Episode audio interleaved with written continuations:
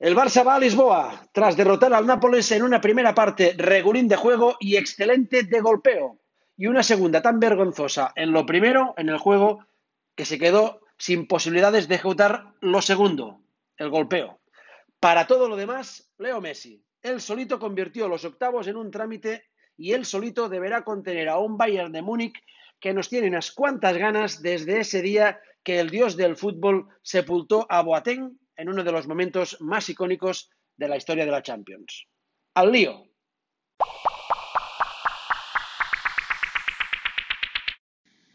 Poco le duró el partido de anoche al Nápoles y no mucho más le duró la energía a un Barça que supo aprovechar antes el descomunal talento de Frenkie de Jong, convertido anoche en el mejor socio de Leo Messi, el hombre que hizo añicos las opciones de un equipo italiano que, ojito, aun habiendo acabado séptimo en la Serie A, cuenta con mejor banquillo que el equipo que más paga en salarios en todo el deporte mundial.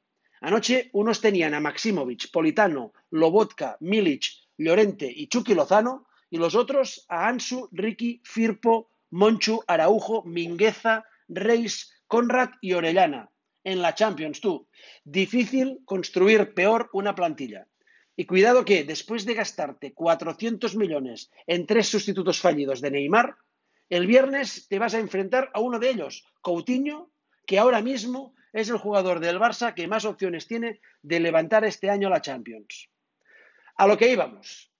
Al Barça hace ya casi un lustro que las eliminatorias de Champions se le hacen muy largas. Intenta controlar el primer partido, a veces lo consigue y otras veces hasta se lleva una buena renta para la vuelta.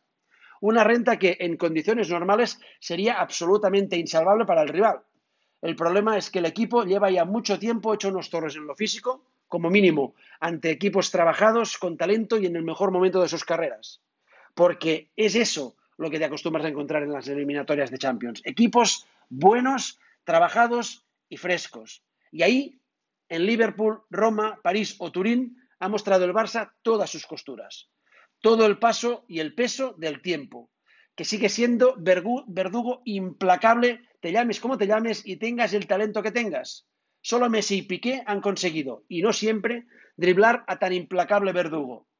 Su mayor problema es que siguen rodeados de otros grandes jugadores a los que les cuesta más driblar al verdugo temporal y de entrenadores que no dan, no dan el nivel para sentarles. Y así íbamos sumando ligas, ya no, y descalabros en Champions. Pero este año hemos dado otra vuelta de tuerca a la decrepitud. Ahora ya no nos cuesta mantener la dignidad en el segundo partido. Ahora, con las eliminatorias de Champions a un solo partido, nos cuesta mantener la dignidad en la segunda parte del envite.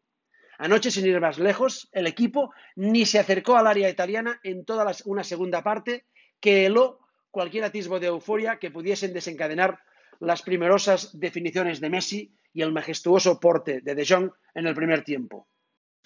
Y el viernes nos enfrentamos al temible Bayern de Múnich, posiblemente el gran favorito para levantar este año la Champions. El Bayern de Miller y Lewandowski, de Kimmich y Álava, de Thiago y Coutinho, de Ñabri y Davis, y por suerte también el Bayern de Lothar Matthaus, que se ha descolgado con una rajada al Barça de Messi muy del estilo de esas con las que la caverna madridista calentaba la previa de los clásicos. Sí, esas que el argentino fue vengando una a una hasta conseguir que hoy, unos cuantos años y humillaciones a domicilio después, ya no se escuchen cuando se acercan los clásicos del Bernabéu. Pues esta historia no la debe conocer bien Lothar Matthaus, que le puede haber dado un soplo de aire fresco a un equipo moribundo que desde que Guardiola cambiase Barça por Bayern vive colgado del talento de Messi. Messi y Matthaus, por los Emanems, pasan todas las opciones culés en Lisboa. Tal y como nos temíamos en el capítulo 63 del Crispetas, Quique Setién no echó mano contra el Nápoles ni de Ricky Puig ni de Ansu Fati, que como se tenían que centrar en la Champions no pudieron ayudar a ascender al B.